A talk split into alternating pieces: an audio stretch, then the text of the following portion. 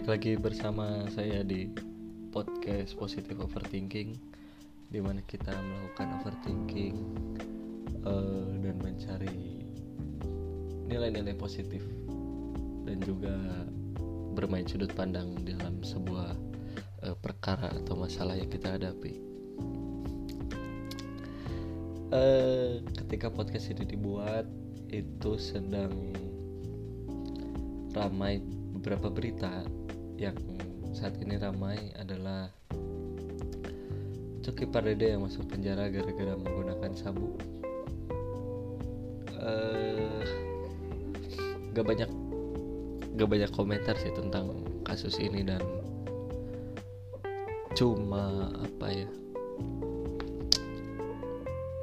bukan bikin sebel ke cokinya sih cuma yang bikin sebel tuh kalau ada di kolom berita di media sosial uh, saya baca komentarnya atau apanya dan seperti biasa netizen Indonesia uh, selalu apa ya menjadi uh, bukan menjadi selalu mengambil joblessnya Tuhan dalam mengambil nyawa. Yang berhak untuk uh, membunuh atau apa gitu atau mengambil nyawa lah. Oh halusnya.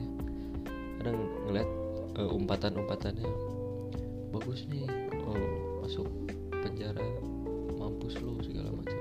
Ya lah apaan sih ini orang emang gak lucu?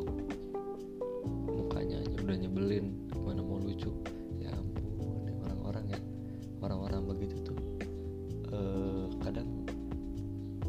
pengen tahu aja sih kehidupan mereka tuh kayak gimana gitu sampai mereka bisa seperti itu. Padahal kan bukan tentang personalnya atau bukan tentang hal lain ya ini kan yang difokuskan tuh uh, tentang seseorang yang menggunakan sabu gitu. Harusnya fokusnya kan uh, ke komentar yang ada korelasinya dengan sabu atau pemakai sabu gitu loh. Ketimbang dengan uh, sifat atau sikap seseorang atau Coki Pardede ini tapi dalam hal lain bukan dalam konteks si sabunya ini. Itu sih yang paling kesulitan uh, walaupun banyak berita yang aneh-aneh. Dan saya juga baru tahu ternyata uh, Coki Pardede memiliki cara yang unik dalam menggunakan sabu kalau menurut berita. Terus uh, apa? Namanya tuh kecenderungan seksnya juga uh, agak lumayan antik deh. Cuma ya udahlah itu urusan dia dan nggak banyak ngurusin. Uh, terus selain itu juga mulai beredar jokes-jokes seperti biasanya terkait Coki Pardede yang mulai di Twitter kemarin uh, Sepul Jamil out Coki Pardedein karena bertepatan dengan Sepul Jamil yang sudah keluar dari masa tahanannya di penjara akibat uh, pedofilia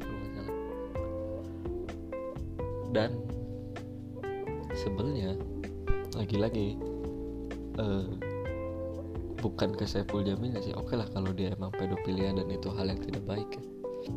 cuma gak usah kita untuk menghujat kembali atau memblok uh, pintu rezeki atau karirnya si Saiful Jamil setelah bebas dari penjara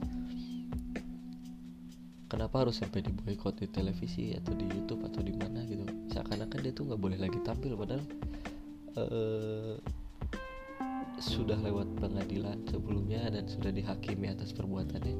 Logikanya dia buat suatu kesalahan dan sudah ditebus oleh dia dengan dia masuk penjara.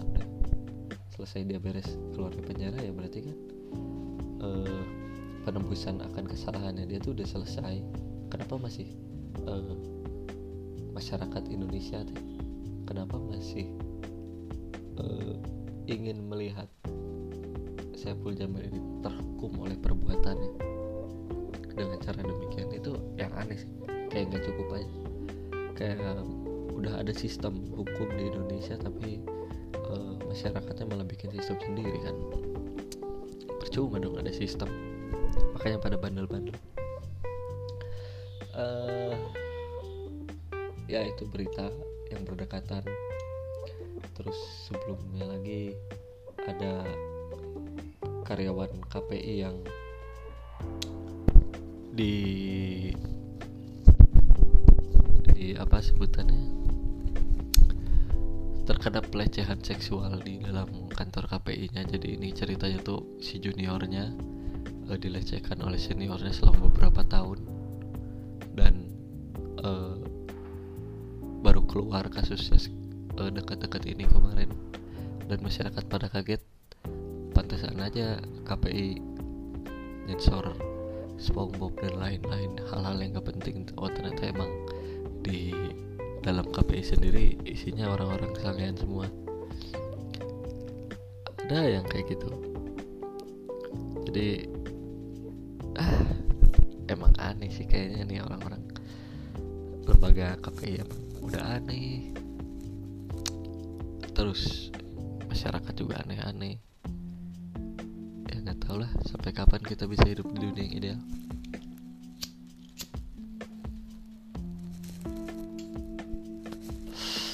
Dan uh, berita lainnya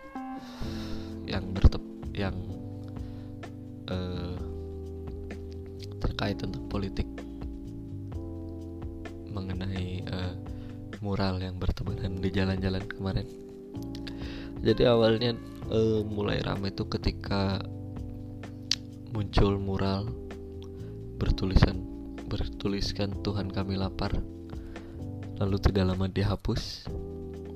Dan itu memunculkan sebuah reaksi masyarakat terhadap uh, pemerintahan atau terhadap aparat bahwa mereka itu anti kritik sebenarnya kalau dilihat uh, beberapa sudut pandang ya. Pertama kalau dari sudut pandang orang yang merasa uh, dirugikan dengan kebijakan pemerintah mungkin merasa ini adalah bentuk pemerintah anti kritik tapi kalau dari sudut pandang uh, pemerintah yang saya terawang ya mungkin lebih ke arah pertama uh, mural ini tidak ada izin ya dalam tanda kenapa tidak ada izin?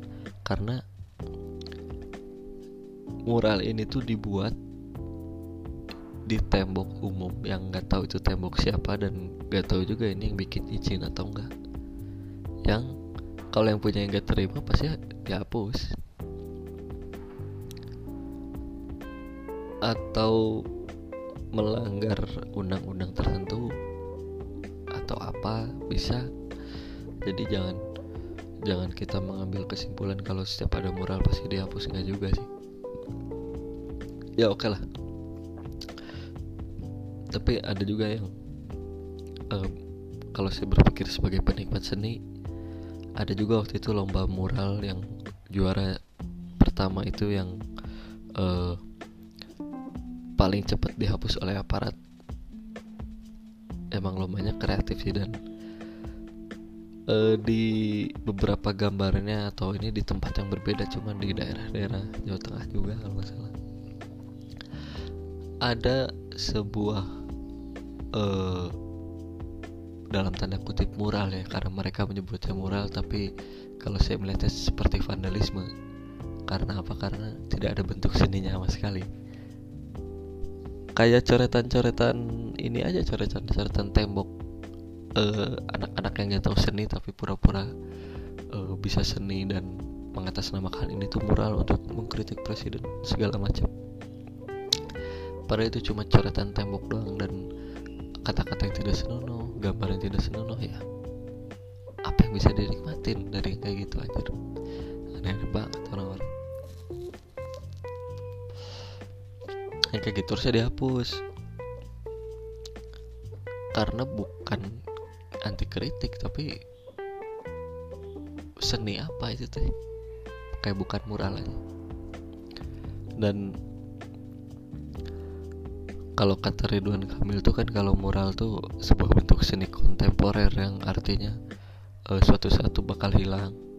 Entah itu kegerus air hujan atau uh, oleh pemilik mau dirubah atau gimana cuma bakal hilang suatu saat.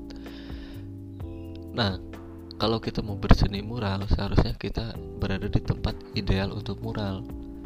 Misal di tembok yang sudah diizinkan untuk dibuat mural atau di tempat-tempat tertentu yang emang sudah diberi izin oleh pemilik si temboknya atau apanya lah. Jadi uh, si mural ini tuh berada di tempat ideal untuk uh, memuralkan si tembok tersebut. Kalau di tembok-tembok sekolah tembok-tembok pabrik yang kita nggak izin sama sekali terus uh, dihapus dan bilangnya oh ini anti kritik anti kritik gini. Coba dilihat dulu apakah itu tempat yang ideal? Idealnya bukan berarti temboknya ya. Emang sama-sama tembok cuma tempat yang ideal tuh yang punya izin untuk dibuat mural. Nah uh, ngomong-ngomong tempat yang ideal jadi uh, ini adalah salah satu topik yang akan saya angkat mengenai topik uh, tempat yang ideal. Banyak hal tempat hmm, yang menurut saya dalam apa ya dalam dunia tempat yang ideal itu kalau saya pikir-pikir saya membaginya menjadi tiga tiga apa ya tiga tiga wujud atau tiga apa ya? Saya membaginya jadi tiga lah pokoknya. Yang pertama tuh uh, secara fisik yang kedua secara batin dan yang ketiga itu keduanya. Uh, kita bedah satu-satu kalau yang secara fisik itu dia uh, yang ketika kita berada di tempat tersebut itu tidak ada ikatan emosional yang emang pure benar-benar sebuah tempat gitu loh. Kayak contohnya rumah sekolah uh, kampus atau kantor gitu tempat kerjaan.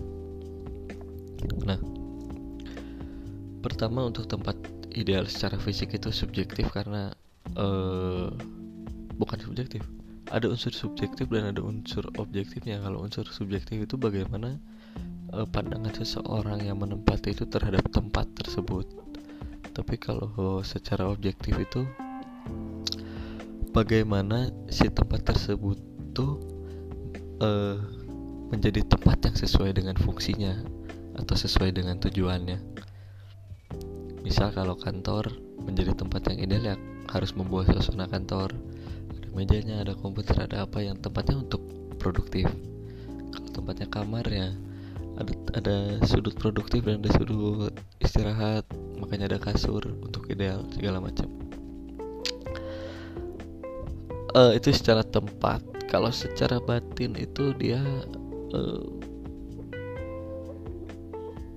lebih ke arah masalah perasaan ikatan batin hubungan dan segala macam. Contohnya kalau orang-orang pacaran oh suka bilang kan gombal-gombalnya kayak gini. E, kamu itu rumah aku jadi kalau aku pergi ke mana pun juga nanti aku pulangnya pasti ke rumah lagi. Dia yang bilang kayak gitu menjadikan pasangannya itu sebagai sebuah tempat yang tidak nyata cuma secara ikatan batin itu uh, sangat terikat dan menjadikan si pasangannya itu tempat uh, yang pas untuk terus berjalan bersama gitu loh.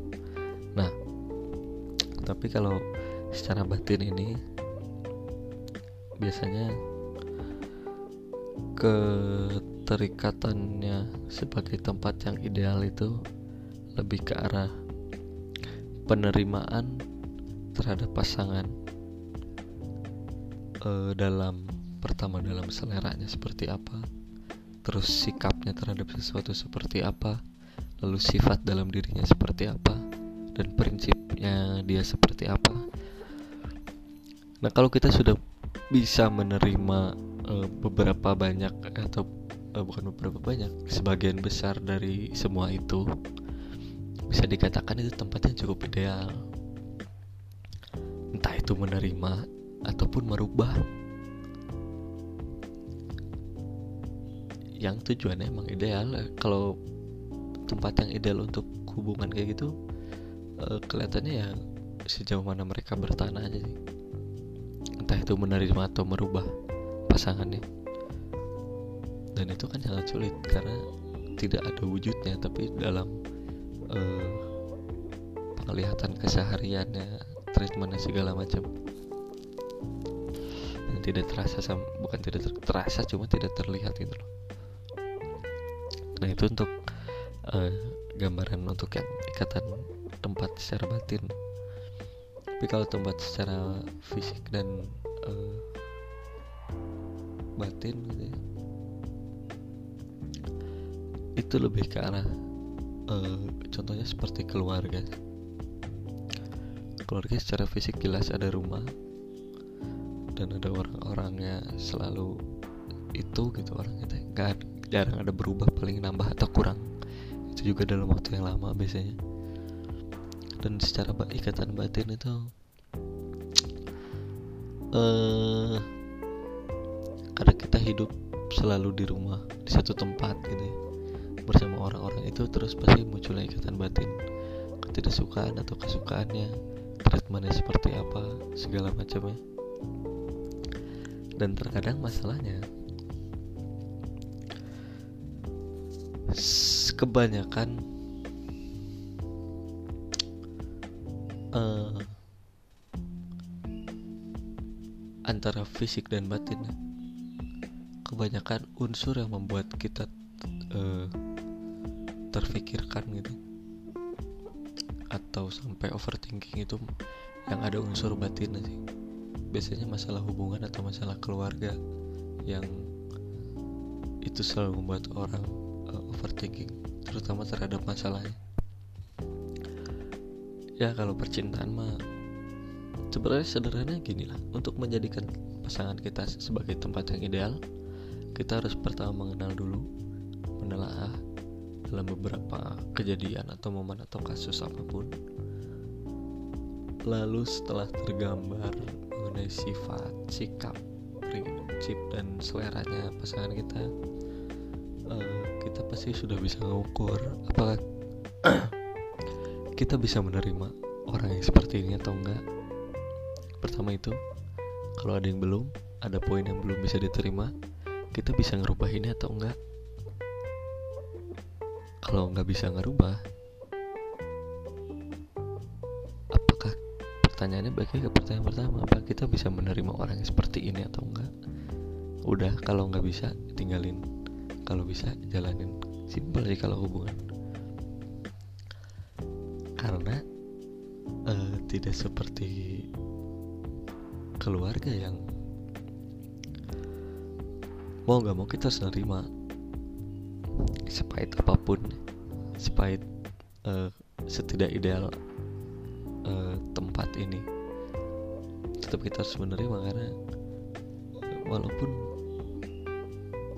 bisa ya untuk memutuskan hubungan atau pindah dari rumah cuma karena kita tinggal di Indonesia yang kekeluargaannya sangat tinggi. Jadi uh, agak sulit ya yang kebanyakan permasalahan itu yang saya dengar ya, nggak tahu sih saya ngerasain atau enggak kalau dipikir-pikir emang keluarga saya juga bukan tempat yang ideal cuma saya udah di tahap menerima hal ini dan ya udah aja berjalan. Cuma untuk beberapa orang uh, masih ada yang sulit untuk menerima keluarganya seperti apa. Misal contohnya kayak keinginan orang tua atau uh, apa? Keinginan orang tua atau tuntutan yang itu menjadikan beban pikiran atau beban hidup anaknya sehingga uh, stres atau gimana? Berpikir kalau kayaknya aku harus keluar dari rumah ini gak betah ya diem, diem, diem di rumah ini terus karena tekanannya itu. Sebenarnya sebelum lari ke situ harus mikir dulu sih apakah itu hal yang bisa dirubah atau enggak. Dan kalau bisa dirubah mau ngerubahnya atau enggak? Kalau bisa dirubah tapi nggak mau ya berarti jangan sepenuhnya menyalahkan keluarga. Kalau misalkan mau apa merubah dan ternyata nggak berubah oh berarti ada yang salah. Simpelnya kayak gitu sih. Cuma uh, untuk beberapa milenial yang ya kayaknya milenial generasi Y generasi Z kayaknya iya sama Z tuh uh, mereka tuh perbedaan pandangan pola pikir dan kulturnya berbeda dengan generasi boomer yang kalau yang mendengar ini orang tuanya termasuk kategori boomer kayaknya agak susah untuk dirubah walaupun gak semua ya.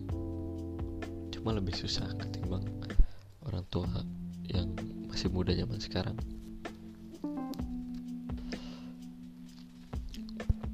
sebenarnya mah gak harus ribet banget sih kalau masalah ini masalah tempat yang ideal tuh intinya emang cuma itu. Uh, kalau bisa kita bisa ngerubah ya rubah. Kalau enggak ya kita harus nerima. Nah masalahnya sering kali kita banyak mengeluh tentang kesalahan bukan tentang kesalahan tentang masalah yang dihadapi atau hal yang menurut kita nggak ideal. Uh, yang paling gampang tuh uh, bentuk ideal tuh paling mudah ketika kita mengetahui sebuah sistem ini. Kayak di perusahaan mungkin karena perusahaan memiliki sistem dan ternyata pada saat dijalankan uh, tidak ideal tidak sesuai dengan sistem berarti kita merasa tidak ideal. Nah itu sepakat kalau saya. Cuma kalau misalkan kita merasa tidak ideal di tempat kita bekerja karena uh, kerjaannya banyak numpuk waktunya banyak banget. Weekend masih dipakai kerja malam-malam masih kerja. Pertama gini. Kamu kan kerja. Kerja kan dibayar. Dan kamu dibayar untuk melakukan hal itu. Jadi harus terima itu satu. Kedua dalam kontrak kerja dilihat. Seringkali orang-orang kerja ya udah kerja aja gitu nggak memahami kontrak kerjanya seperti apa yang sehingga di perjalanan mengeluh. Apalagi kontrak kerja kontrak kerja yang karet tuh yang bentuknya karet yang bisa diputar-putar isi nah kalau kita nggak memahami itu dan kita mengeluh salah siapa sebenarnya? Salah kita lah karena kita memulai dengan tidak memahami syarat dan ketentuan. Itu kedua dan yang ketiga uh,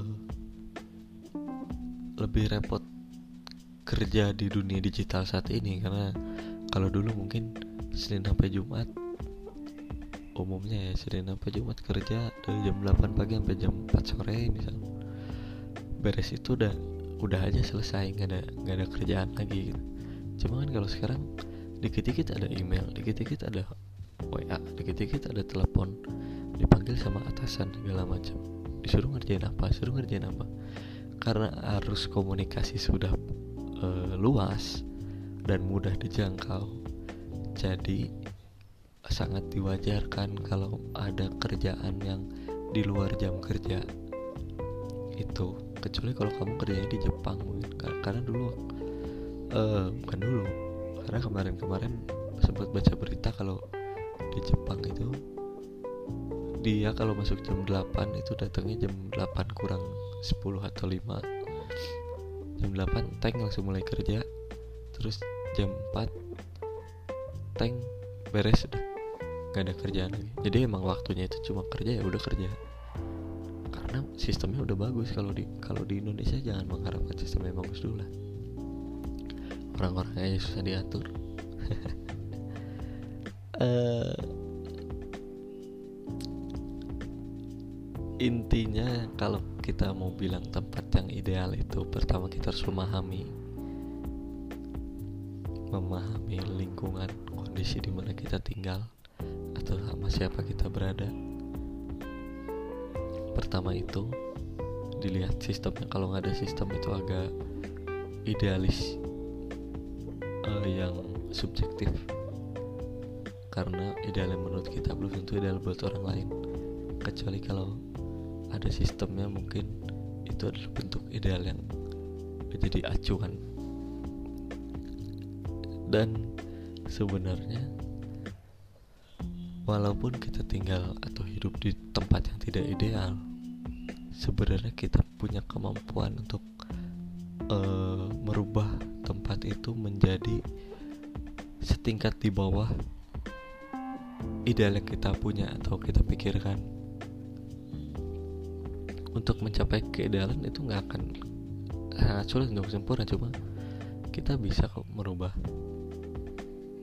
uh, tempat tersebut menjadi hampir ideal. Maksimalkan aja apa yang kita bisa. Sedangkan uh, bukan sedangkan dengan catatan kita jangan bergantung sama orang lain. Kayak contohnya gini bergantung sama orang lain atau bergantung sama tempatnya. Kamu mau punya rumah rumahnya kayak gini gini gini di bayangan kamu tuh idealnya kayak gini gini gini tapi kamu nggak ada usaha apa apa kamu malah minta rumahnya buat berubah. Emang bisa kayak gitu ya? Pasti kamu ada usaha dong. Atau enggak kalau ke pasangan kamu mikirin pasangan yang kayak gini gini gini ideal buat kamu segala macam cuma kamu nggak minta dan kamu nggak ngerubah itu emang pasangannya bisa langsung berubah? Enggak sih menurutnya terus kalau kamu minta ini apakah udah cukup meminta? Kamu juga harus ada effort untuk merubah tempat tersebut teh jangan pengen uh, lingkungan yang menyesuaikan dalam kondisi kamu tapi kamu juga harus menyesuaikan dan harus membantu untuk cepat berubah terkadang orang-orang tuh lupa kalau uh, pengen berubah teh bukan dari kitanya tapi dari orangnya. Dan kalau orang yang gak ngerubah teh biasanya dibilangnya alasannya kamu gak pernah ngertiin aku gimana. Biasanya gitu. Kalau uh, untuk terutama untuk pasangan yang susah berubah ya pasti alasannya gitu. Uh, karena apa ya?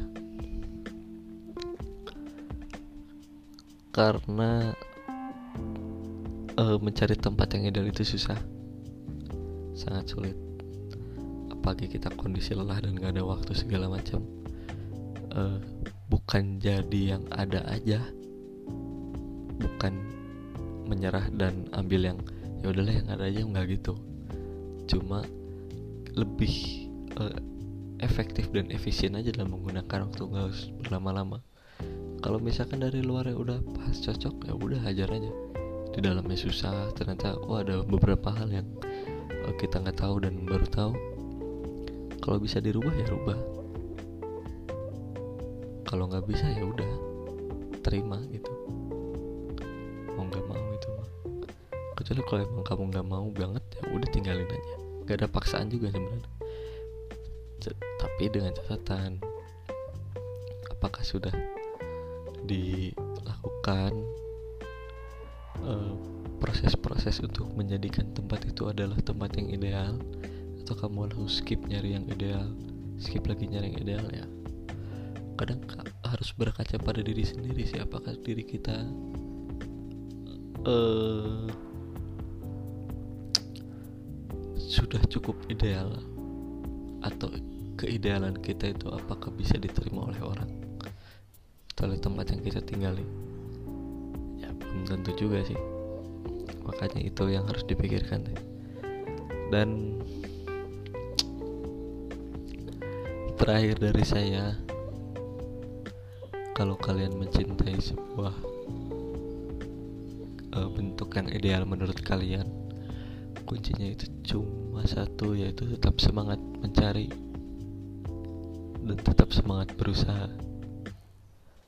Karena kalau kalian gak mencari dan berusaha kalian akan terjebak dalam tempat yang tidak ideal. Yang pilihannya cuma satu yaitu menerima. Salah? Nggak juga. Itu adalah sebuah bentuk pilihan orang dalam hidup. Dan menurut saya itu nilainya sama sih bukan yang berusaha nilainya lebih tinggi dan yang nggak berusaha itu nilainya rendah nggak juga. Cuma nilainya sama ketika mereka sudah tahu kemampuan mereka uh, daya juang mereka dan nilai tambah yang ada dalam mereka itu sejauh apa. Baru itu bisa dianggap sama dan sepadan. Uh, kayaknya itu aja untuk hari ini. Ya mudah-mudahan agak sedikit lega untuk saya pribadi ya. Mengeluarkan yang ada di pikiran dan mudah-mudahan juga bagi yang mendengarkan merasa uh, kepikiran atau bahkan ini ngomong apaan sih? Ya udahlah nggak apa-apa gitu. Makanya mungkin bagi yang ingin berbagi cerita atau apa silahkan kirim ke email yang ada di bio data podcast ya di akunnya ada ada emailnya. Silahkan kirim bagi yang ingin bercerita atau menanyakan atau berbagai sudut pandang tentang apa. Uh, tetap positif dalam overthinking. Sampai jumpa kembali, dadah.